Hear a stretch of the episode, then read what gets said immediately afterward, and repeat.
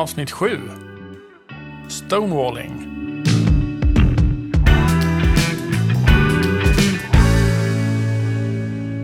Det här är min favorit. Det här är jag bra på. Mm, berätta. Jag eh, tycker ju om att hellre inte säga någonting alls, för det, bara, det blir bränsle på konflikten. Så då stänger jag till och drar mig tillbaks och eh, håller mig undan helt enkelt. Du går till din lilla grotta som jag kallar det. Ja. Mm.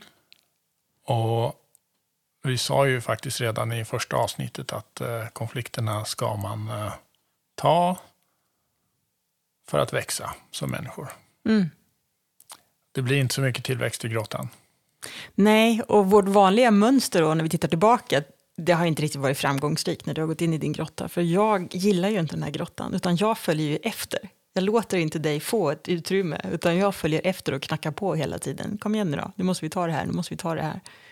För vi har ju vuxit upp i så olika förhållanden, tänker jag. Du är din familj med ett sätt och jag är min familj med ett sätt. Så att vi har ju olika mönster med oss hur man skulle kunna lösa det här.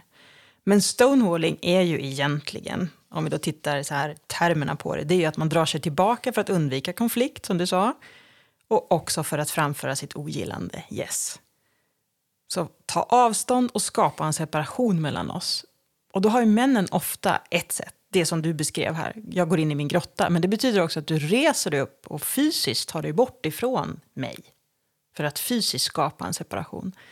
Medan det att eh, kvinnliga tillvägagångssättet ofta egentligen är att stanna kvar i det men ändå zooma ut. Så vara kvar på platsen och zooma iväg ifrån den och på det viset skapa en separation. Så mm, kanske bli lite sådär, ja men som en kamera ur fokus i blicken liksom. Vill inte ha kontakt, ögonkontakt till exempel. Så det är lite olika tillvägagångssätt om man är man eller kvinna. Hur eh, kontrar man det här då? Vad är motgiftet? Motgiftet är ju att lugna sig själv. Lättare sagt än gjort. Att lugna både kroppen och sinnet.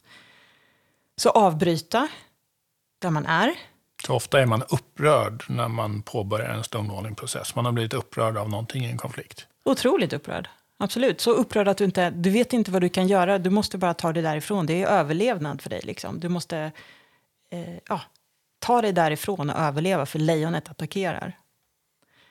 Så om du kan avbryta och ta en paus så är det precis det du ska göra. Men den här pausen måste innebära att du inte tänker på konflikten. För om du fortfarande tar en paus och går och tänker på det här, ältar det som har skett och allting, då är det ingen paus. Då funkar inte det här verktyget. Utan du måste avbryta, göra något avkopplande och distraherande. Samtidigt som du inte får gå iväg och avbryta det här hur länge som helst. Utan för mig då, då som knackar på hela tiden och inte tycker att det här är okej, att vi har en separation. Det är ju att vi kommer överens om en tidpunkt. En exakt tidpunkt när vi ska fortsätta. Ja, det där är ju jätteviktigt för eh, vissa. För att om man inte bestämmer så går man och ältar sig för det. Och, och fortsätter att dra på det. Mm. Så att för vissa individer är det oerhört viktigt att acceptera pausen, acceptera distraktionen och avtala när vi kommer tillbaks. Precis. Får jag berätta en storyn från Gottmans Love Lab? Ja. Ja, alltså då är det här paret som eh, sitter med sina pulsmätare och eh, så märker då personalen när de eh, håller på, de ska ha en konflikt om någonting. Och så märker de när de blir lite för upprörda.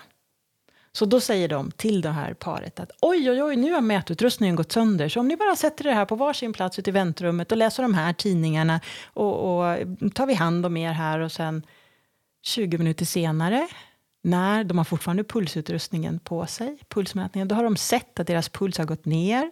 De är inte längre upprörda, de är lugna då får de fortsätta. Och då blir det ett helt annat samtal. Så då har labbet gjort en del av arbetet här då, att uh, tvingat det här avbrottet ja. och distraherat dem. Ja. Och, och sett till att de lugnar ner sig och sen fört ihop dem igen. Precis. Det är inte alla som har den lyxen kanske. Verkligen inte. Men det är ett sätt att se till att, okej, okay, fatta att jag måste distrahera mig. Jag kan inte vara kvar och älta det som vi faktiskt hamnade i upprorstillstånd kring. Ja, och ofta är det väl små skitgrejer egentligen. Annat som ligger bakom och så blir det en fysiologisk reaktion. Eh, stress, upprördhet, räddhet. Som inte har någonting med ditt eh, vett att göra, utan det är biologiskt. Ja, och när det blir den, den biologiska effekten, det som händer i kroppen, det är ju att du inte längre har tillgång till prefrontala cortex. Du har inte tillgång till din logiska och rationella tänkande. Utan kroppen är ju i överlevnadsmode, som jag sa tidigare. Det är liksom fly eller fäkta, eller vad är det som gäller? Så du behöver ju verkligen komma ifrån den stressresponsen. Så, inte tänka på händelsen, avbryta, ta en paus. Men du skulle också i den här pausen kunna jobba med att ja, någon slags meditation om det funkar för dig. Eller behöver du liksom dansa för att få loss den här i ut kroppen? Springa. Ut och springa om du behöver. Alltså hur behöver du ta hand om stressresponsen så att du avslutar den? För den är ju fullt pådrag. Trots att det kanske bara var en liten tanke. Den skiljer ju inte på om det är på riktigt ett hot eller ett litet upplevt hot. Stressresponsen drar igång oavsett. Så lugna ner kropp och sinne. Ta en paus.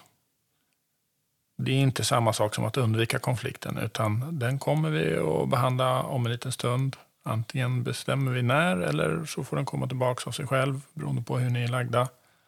Men från en lugnare situation. Jag skulle säga att du måste bestämma när. Sen kan ni alltid komma vid den tiden och säga äsch, det behövs inte. Men bestäm alltid när ni ska ses.